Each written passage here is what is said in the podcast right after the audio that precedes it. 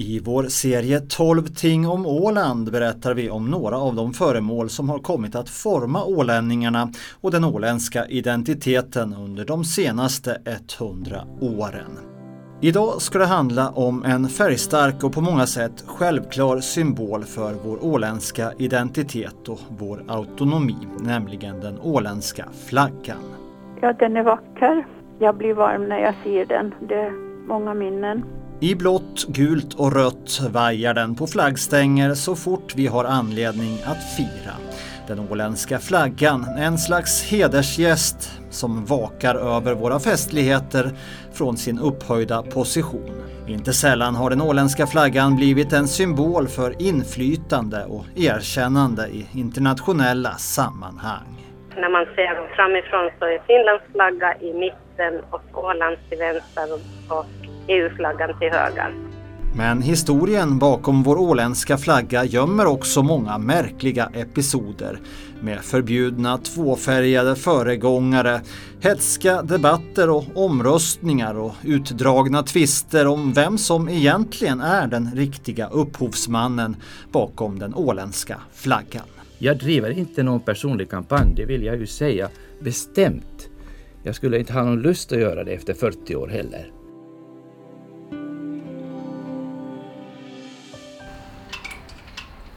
Flagglinorna slår mot stängerna utanför Ålands lagting. I topp vajar den åländska flaggan omringad av flaggor som signalerar att Åland firar 100 år.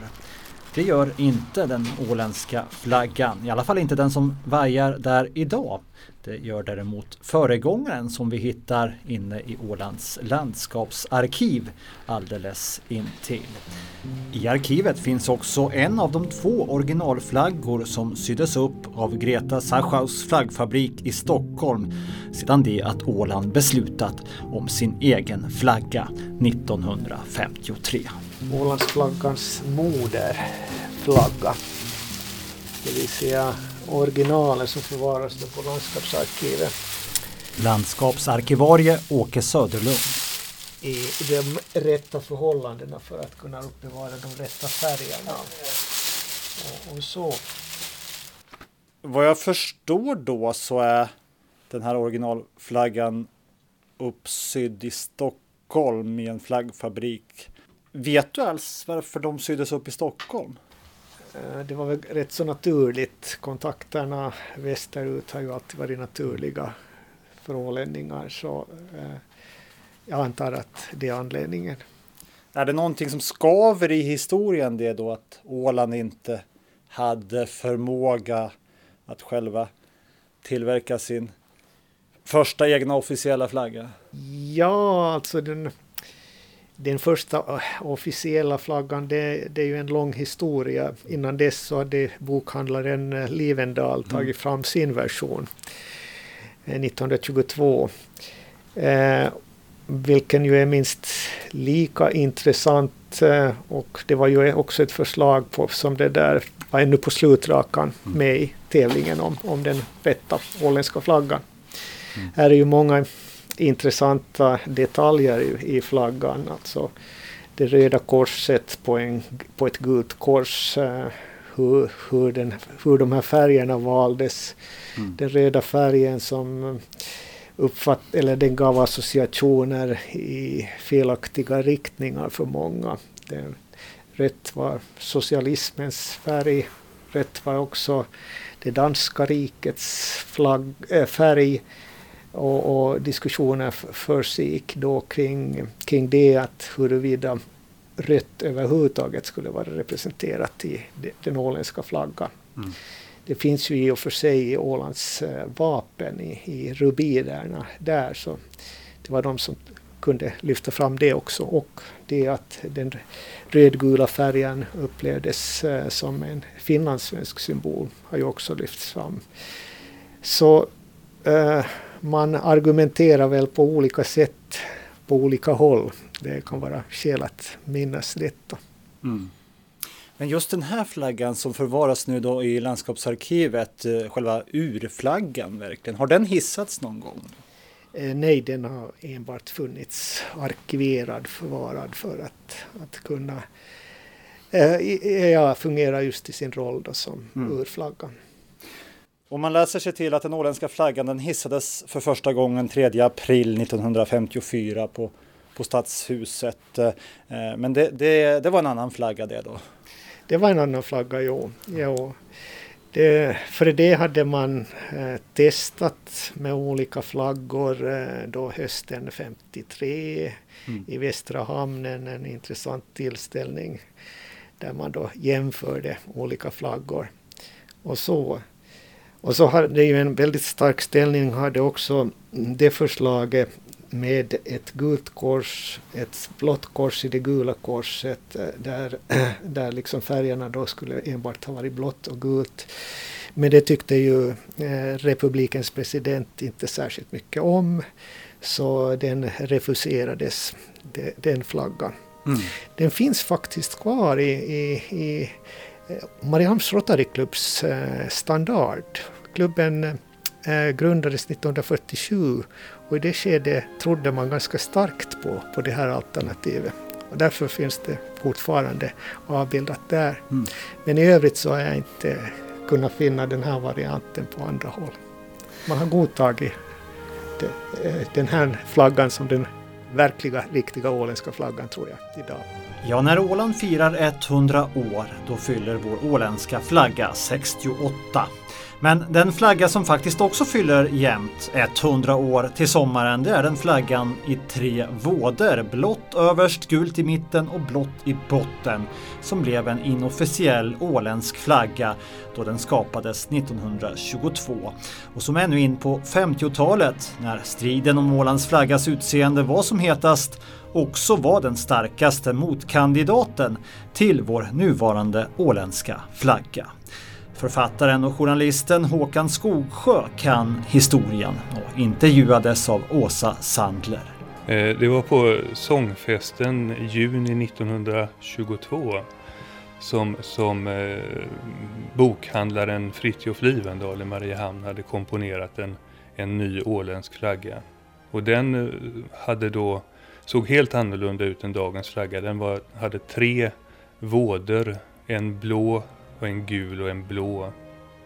Vad hände med den flaggan sen då? Eh, den användes ju i landskapet, vad jag förstår som ganska någorlunda allmänt i alla fall under 20 och 30-talet. Men eh, sen då så, så möjligtvis beroende på ett presidentbesök 1933 när president Svinhuvud var på Åland så, och såg den här flaggan på massa ställen så, så eh, reagerade han mot att han inte såg den finska flaggan särskilt mycket i landskapet. Det finns förmodligen en, en mer komplicerad historia, en mer, mer komplicerad bakgrund än enbart det här besöket. Men följden av detta blev i alla fall en flaggförordning som kom 1934 i, i eh, Finland som sa det att man måste alltid flagga med riksflaggan också på en högre stång. Men det var ingenting som de åländska myndigheterna brydde sig om. De fortsatte att flagga med sin blågula flagga. Brydde sig gjorde däremot en nitisk länsman som åkte runt och rev ner flaggorna. Och dessutom så ställdes hela landskapsnämnden inför rätta. 1935 så dömdes faktiskt lantrådet själv i Högsta domstolen till böter just för flaggandet. Ja, den förbjöds ju inte den eh, trevågsflaggan utan den fick ju då fortfarande användas men, men för ålänningarna så var det ju inte så kul att använda den längre när man samtidigt då måste eh, hissa den finska flaggan.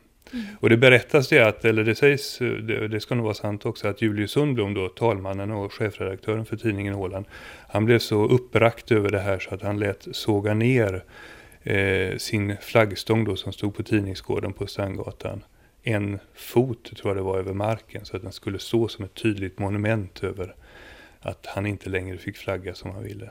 På 30 och 40-talet så var det inte så mycket bevänt med det åländska flaggandet. Men på 50-talet så kom en ny självstyrelselag som gav Åland rätt att ha en egen flagga och det satte fart på diskussionerna igen. Det tog inte många minuter höll jag på att säga, det tog inte lång stund för ålänningarna då att komma fram med ett förslag till hur den nya flaggan skulle se ut.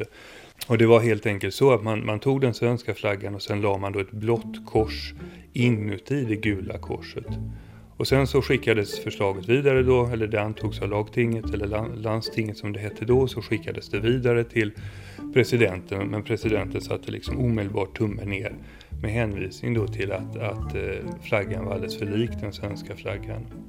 Och, och det kan man ju, det får man nog hålla med honom om för att speciellt om flaggan hänger slak i vinden så, så var det nog helt omöjligt att säga om det egentligen var en svensk flagga eller en åländsk flagga för det fanns ingenting i färgerna som skilde dem åt.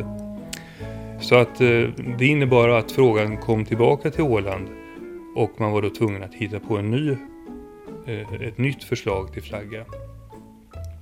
Och det som uppstod då det var liksom en, en, eh, en kamp mellan två eh, falanger där den ena då förespråkade den gamla trevågsflaggan och sen var det en falang som ville ha en nordisk korsflagga. Att man ville så att säga ansluta, eller att Åland då symboliskt skulle anslutas till de andra nordiska länderna. Där ju då alla, alla de här nordiska korsflaggorna är ju äldre och fanns då redan för 50 år sedan. Och det där blev en ganska dramatisk kamp eh, på, som fördes på många olika sätt. Och eh, man hade olika, man gjorde en mängd olika förslag, alltså de här som förespråkade då korsflaggan gjorde en mängd olika förslag. Det ena mer fantasifullt än det andra. Och, och det, det, som ju sen blev allt mer uppenbart det var ju liksom att trevågsflaggan hade ganska många anhängare och medan då korsflagganhängarna de var splittrade på en massa olika varianter så att skulle de inte kunna enas kring ett förslag då, då skulle det gå åt pipan för dem, då skulle liksom eh, treårsflaggan vinna. Bland de många flaggor som ratades längs vägen finns bland annat den tidiga varianten som landskapsarkeolog Mats Strejer ritade i vitt, blått och gult i ett förslag som omnämns första gången 1939. Den, den, är alltså den finska flaggan, alltså en vit flagga med ett blått kors. Och i det blåa korset så hade Mats Strejer sedan lagt in ett gult kors. Och det där blir ju då en kombination av, av så att säga, Sveriges flagga och Finlands flagga.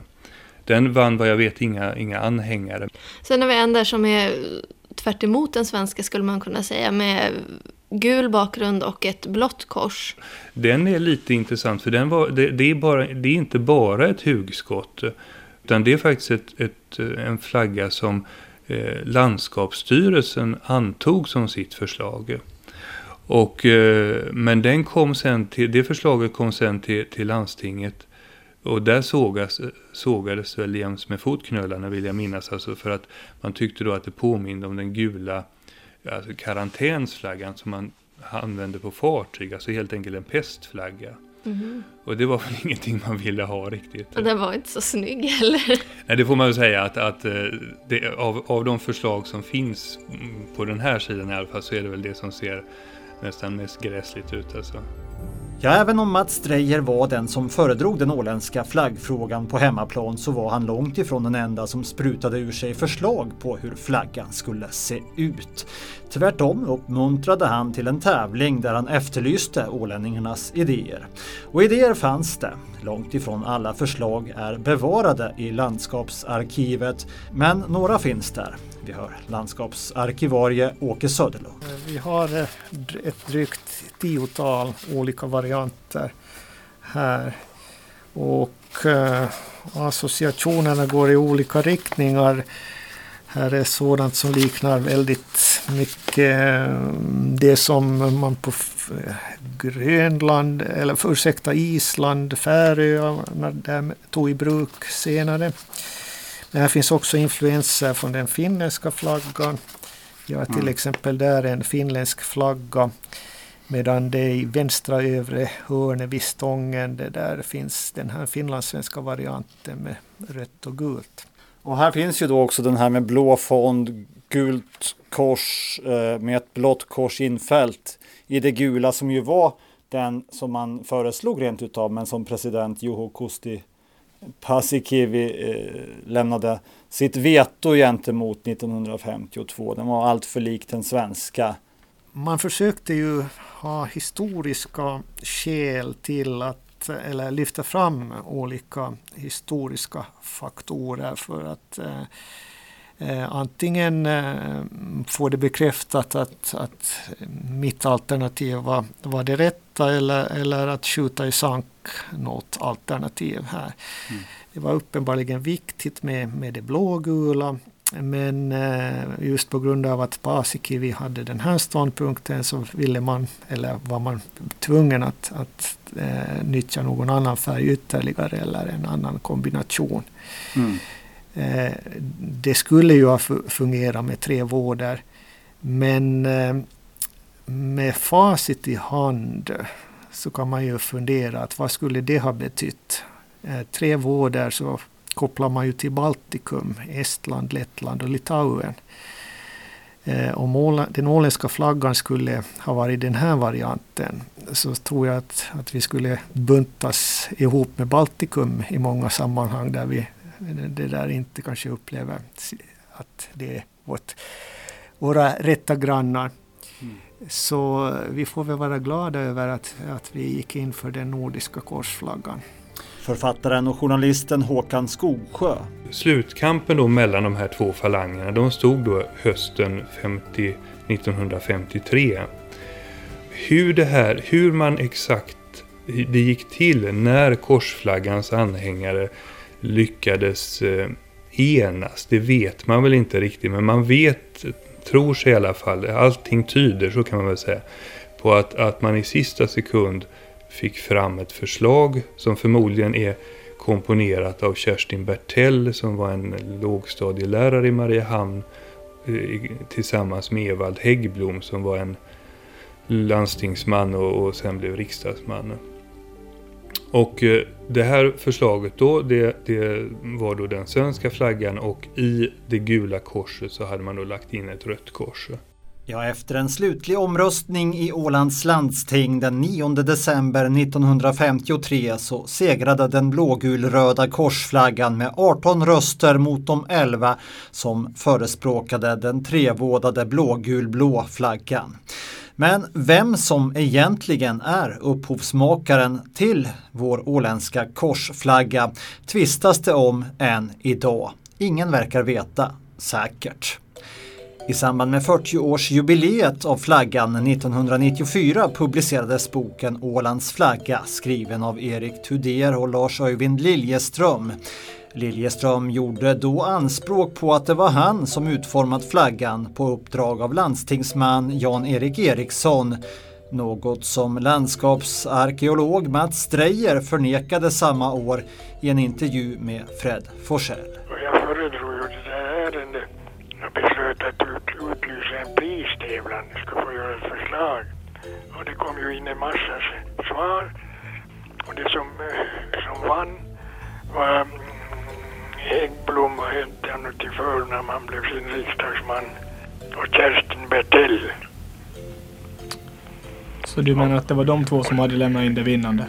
Vann det den blev ju. Ja, Lars Öyvind Liljeström, du har ju tillsammans med Erik Tudér skrivit den här boken Ålands flagga.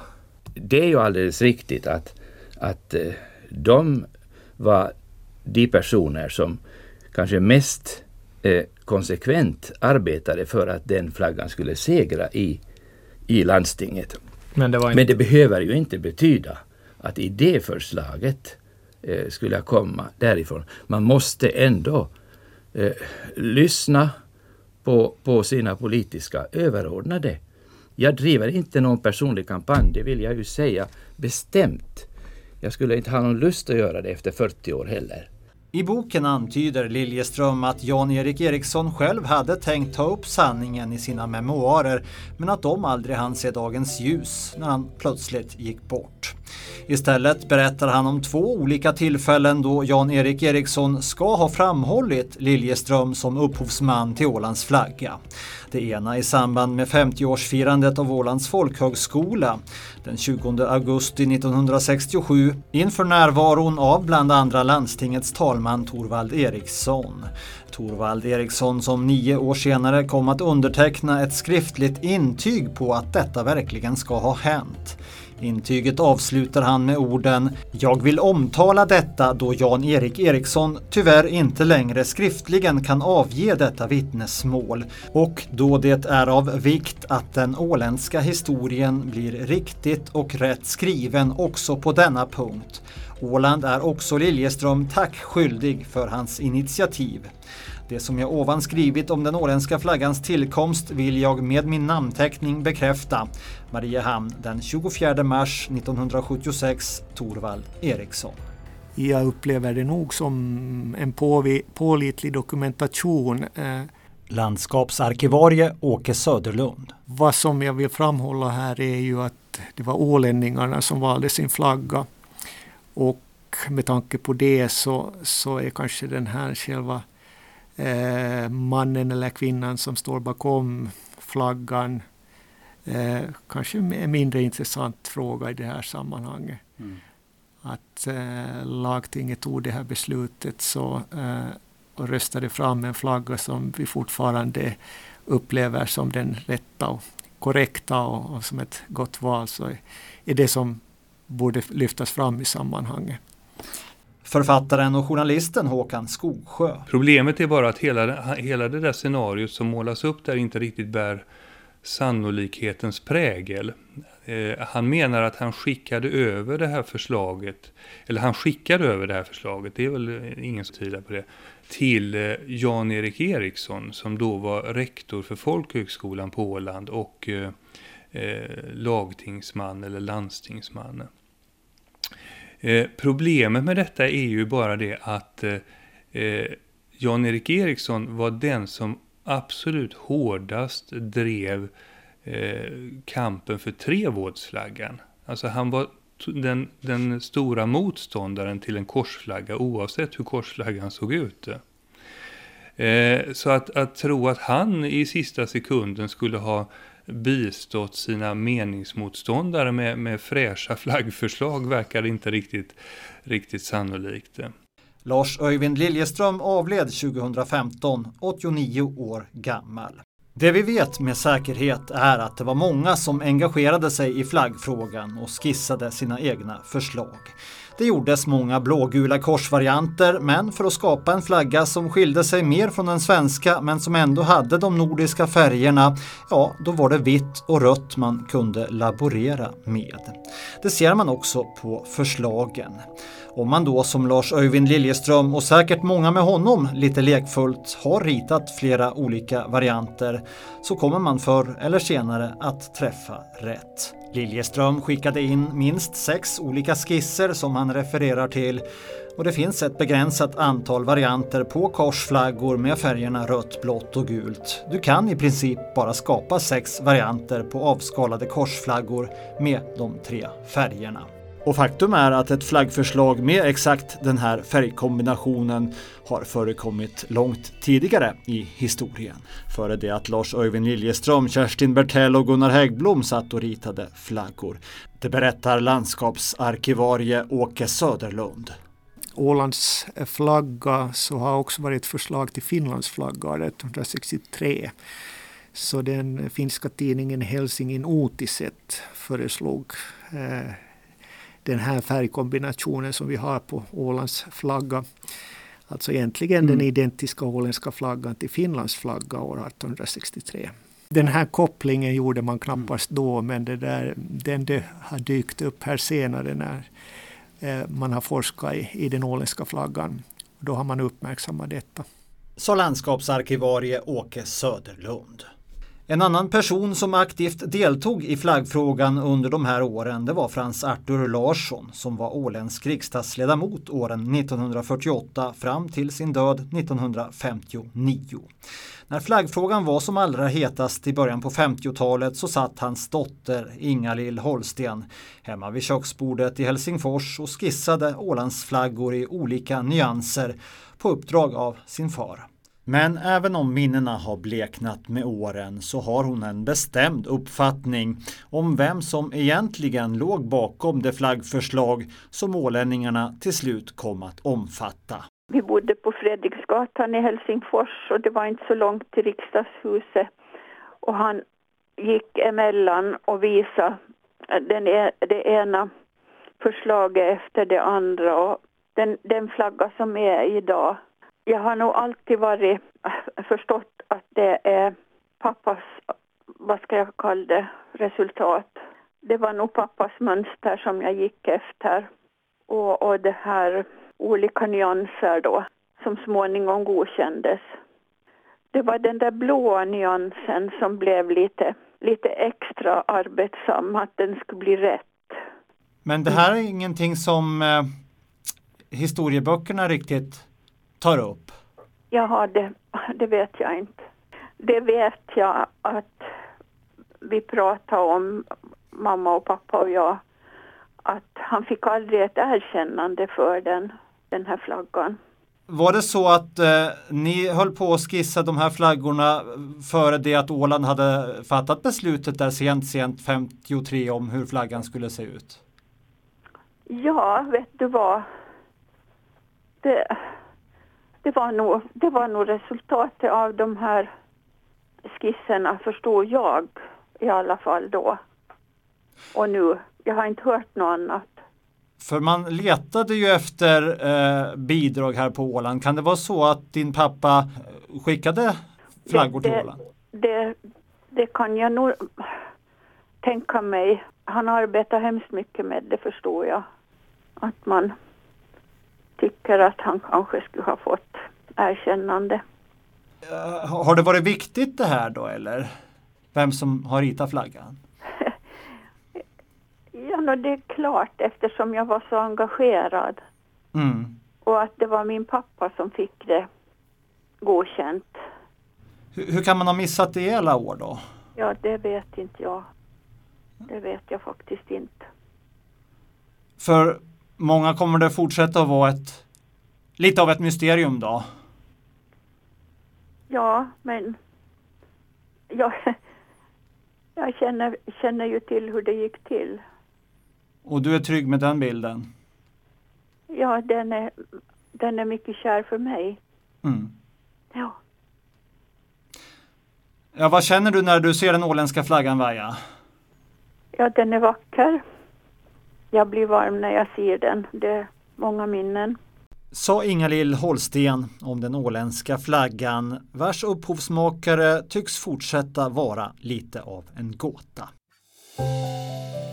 Men bara för att man till slut hade lyckats komma överens om flaggans utseende och nu kunde fira Ålands flaggas dag år 1954 så innebar det inte slutet på den politiska behandlingen av flaggan.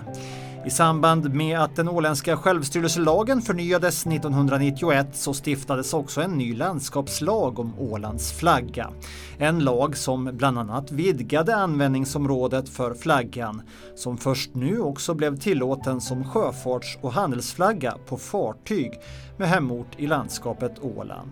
Flaggan blev obligatorisk för fartyg drivna av landskapet och det blev också möjligt för fiske, fritids och andra farkoster med hemort i landskapet att använda flaggan. Fram tills nu så hade den åländska flaggan bara varit tillåten på landstingsägda båtar om de låg vid kaj samtidigt som det råkade vara en åländsk flaggdag. Även de exakta nyanserna av blått, gult och rött preciserades. Och när lantrådet Ragnar Erlandsson presenterade den nya flagglagen och beskrev hur man skulle definiera färgerna i Ålands flagga, då blev det mycket komplicerat. Lena Isaksson redde ut begreppen efter bästa förmåga. I enlighet med NS, NCS-metoden och med SIE, vars förkortning står för Internationella belysningskommissionen, kan Ålands flaggas färger definieras med kromatitetskoordinaterna X och Y. Och sen kan man dessutom använda ljusreflektansfaktorn stora Y, varvid flaggans färgnyanser på ett e- exakt och enkelt sätt kan både fastställas och förklaras. Ja, exakt och enkelt, jag vet inte jag. Jag sökte i alla fall upp en expert på området, Olle Ekström på lagberedningen som har arbetat fram det nya förslaget till flagglag. Det låter ju väldigt bestickande det där. Det låter väldigt bestickande. Du som är expert på detta, kan du på ett eh, exakt och enkelt sätt fastställa och förklara vad lantrådet menar? Jo, nej, men om jag ska försöka ge mig på att förklara NCS-begreppet till att börja med. Det står för Natural Color System. Och det är ett bestämmande av eh, färger utifrån, som bygger på människans uppfattning av färger. Om man uppfattar de här färgerna som samverkande i en glob kan man säga. Mm. Där det på ekvatorn finns färgerna grönt, blått, rött och gult. Och längs den här ekvatorn så varierar färgerna från grönt till blått i, i kulörton. När grönt går mot eh, blått och, och, och blått går mot rött så är det olika kulörer. Sen eh, finns det på polerna vitt och svart och däremellan finns en gråskala. Mm.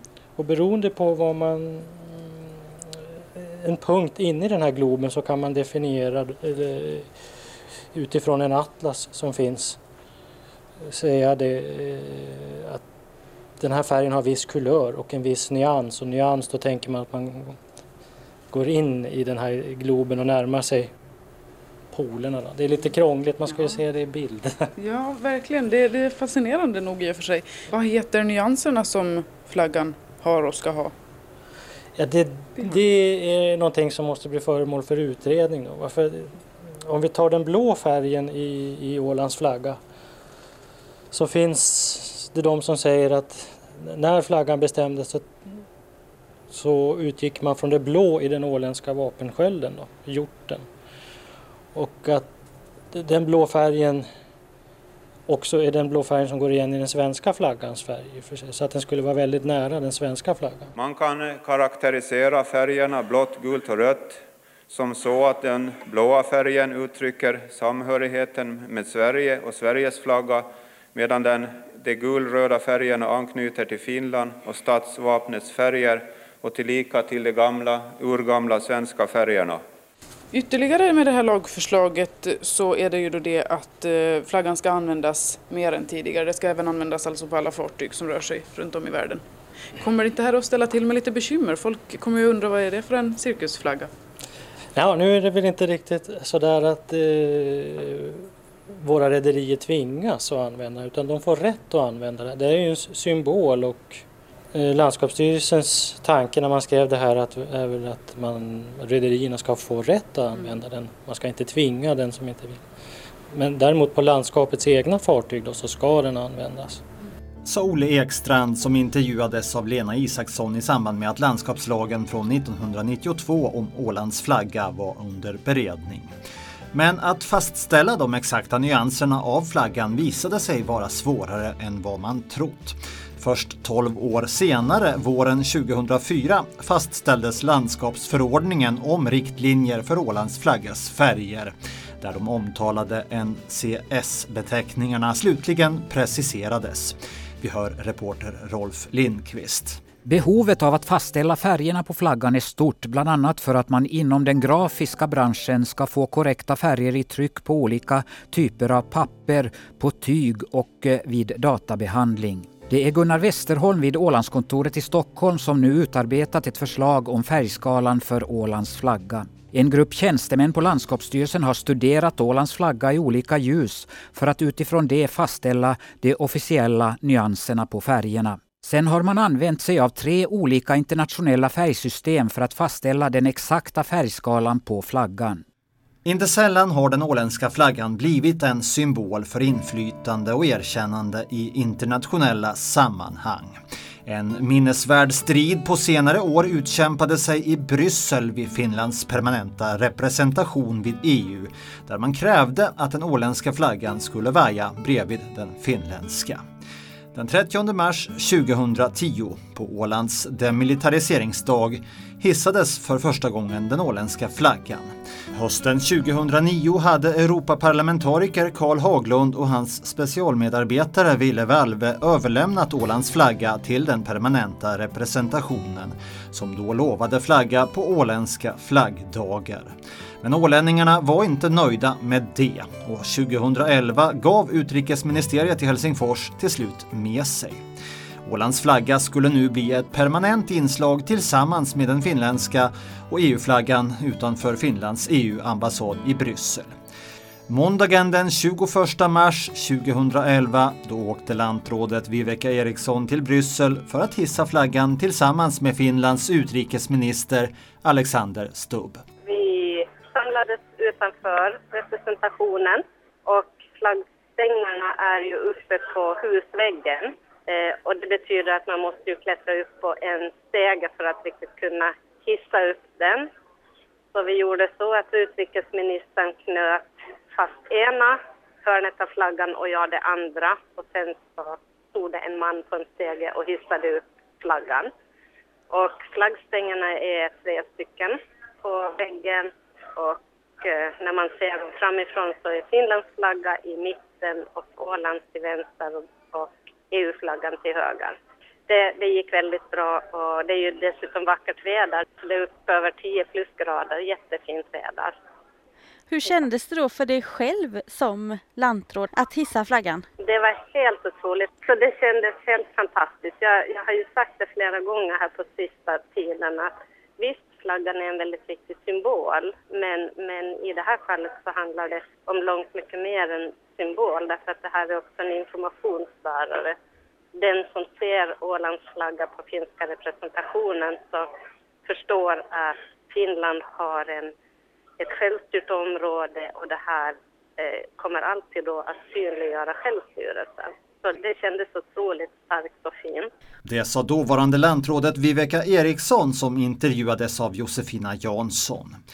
Ja, även om den åländska flaggan fått sitt officiella erkännande så har det krävts en och annan påstridighet och gör så än idag för att faktiskt få se den vaja även utanför landskapet Åland.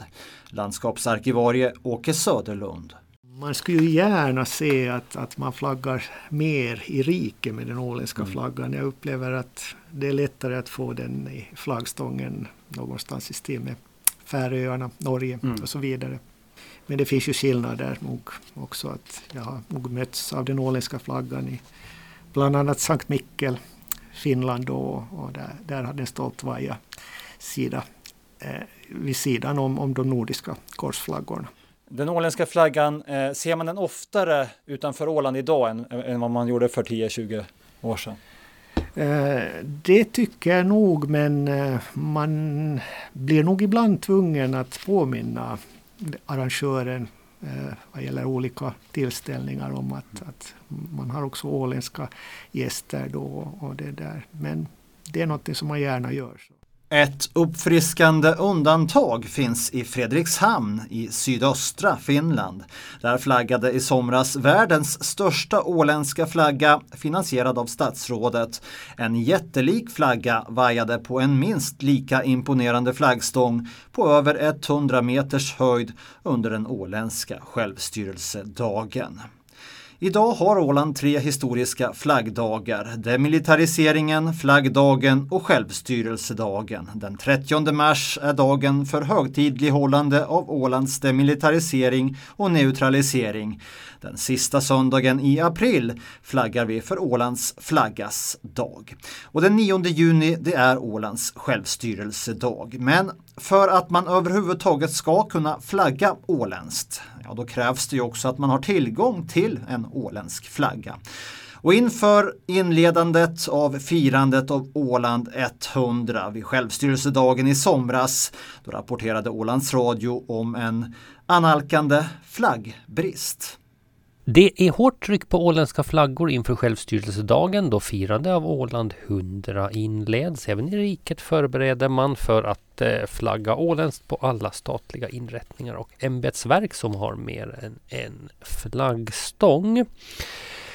Det ska eh, flaggas eh, åländskt eh, både i år och nästa år under självstyrelsedagen. Landskapsregeringen är positiv till de planer och tipsar om att Fixtjänst kan erbjuda åländska flaggor ifall man saknar det i riket. Men sanningen är att Fixtjänst just nu har låg kapacitet på flaggproduktionen. Det är eh, många även på Åland som vill uppgraderas på flaggfronten och skaffa vimplar och flaggor veckor.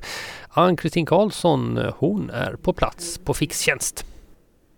Ja men visst är jag det och jag står och tittar på de här hyllorna där det finns flaggor men det, vi kan säga så här, det är inte särskilt trångt på de här hyllorna, det är tvärtom ganska glest. Det finns helt enkelt inte så där jättemycket flaggor just nu. Eh, det som det absolut inte finns är till exempel den som heter nummer sex. Det är till en flaggstång som är sex meter lång. Därför har man det här numret. Men däremot så finns det faktiskt några stycken som, har, som heter flagga nummer 18. Här var det faktiskt så mycket. Nej, 16 var det jag tänkte också. Men det är i alla fall till en 16 meters stång. Du kan tänka dig hur stor flagga det är. Eller ni alla som lyssnar kan tänka er. Och jag står här då med eh, Therese Kronqvist som är vikarierande verksamhetsledare. Och nu är det tryck på flaggor. Hur kan ni svara upp mot, mot det här stora begäret hos alla ålänningar just nu att kunna ha en flagga att flagga med på den 9 juni och sen även nästa år den 9 juni och däremellan också? Ja, hör du, det är inte lätt att, att ähm, möta upp med, framförallt inte med kort varsel, för just nu så är det olyckligt. Vi har jätteliten kapacitet, vi har flera sjukskrivningar och, och, vi har egentligen just nu bara en som syr flaggor på heltid. Sen har vi en som syr också vimplar på heltid. Och där är det ännu mera tryck just nu, för nu, är det, nu har alla konstaterat att nu behöver de nya vimplar till sina sommarställen. Mm. Så har det, man inte flagga så vill man kanske ha en vimpel att hissa ja, den det plingar i dörren alla dagar här just nu, folk köper vimplar. Ja. Jättemycket vimplar. Största trycket kommer att bli till 9 juni nästa år, 22. Då har vi ett år på oss att hinna få våra hyllor fyllda här. Vad har den åländska flaggan betytt egentligen för, för ålänningarna? Alltså självstyrelsens betydelse för ålänningarna i ett nötskal så ser jag i flaggan. Åke Söderlund. Det är så oerhört enkelt att det där gå ut i Norden, ut i världen och förklara vad Åland egentligen är genom att man visar upp den åländska flaggan. Eh, den är så pass intressant att man genast får frågan att eh, varifrån kommer du då? Och så får man berätta historien om Åland och den åländska självstyrelsen. Så det är en inkörsport till, till just de här för Åland värdefulla kontakterna. Eh, det, där, där ser jag liksom rent praktiskt hur man det där kan föra Åland ut på världskartan genom eh, den starka symboli, det starka symboliska värde som vi kan se i den åländska flaggan. Givetvis så har vi vapnet som vi diskuterade tidigare. Mm. Vi har eh, de geografiska konturerna vad gäller Åland. Vi har åländska frimärken och så vidare. Men eh, visst är ju flaggan den starkaste symbolen av, av de alla nämnda. Du har lyssnat till 12 ting om Åland, Ålands flagga, ett program av Hans Persson Bry. I programmet hörde du också reportrarna Åsa Sandler, Fred Forsell, Lena Isaksson, Rolf Lindqvist, Josefina Jansson, Peter Grönholm och Ann-Kristin Karlsson.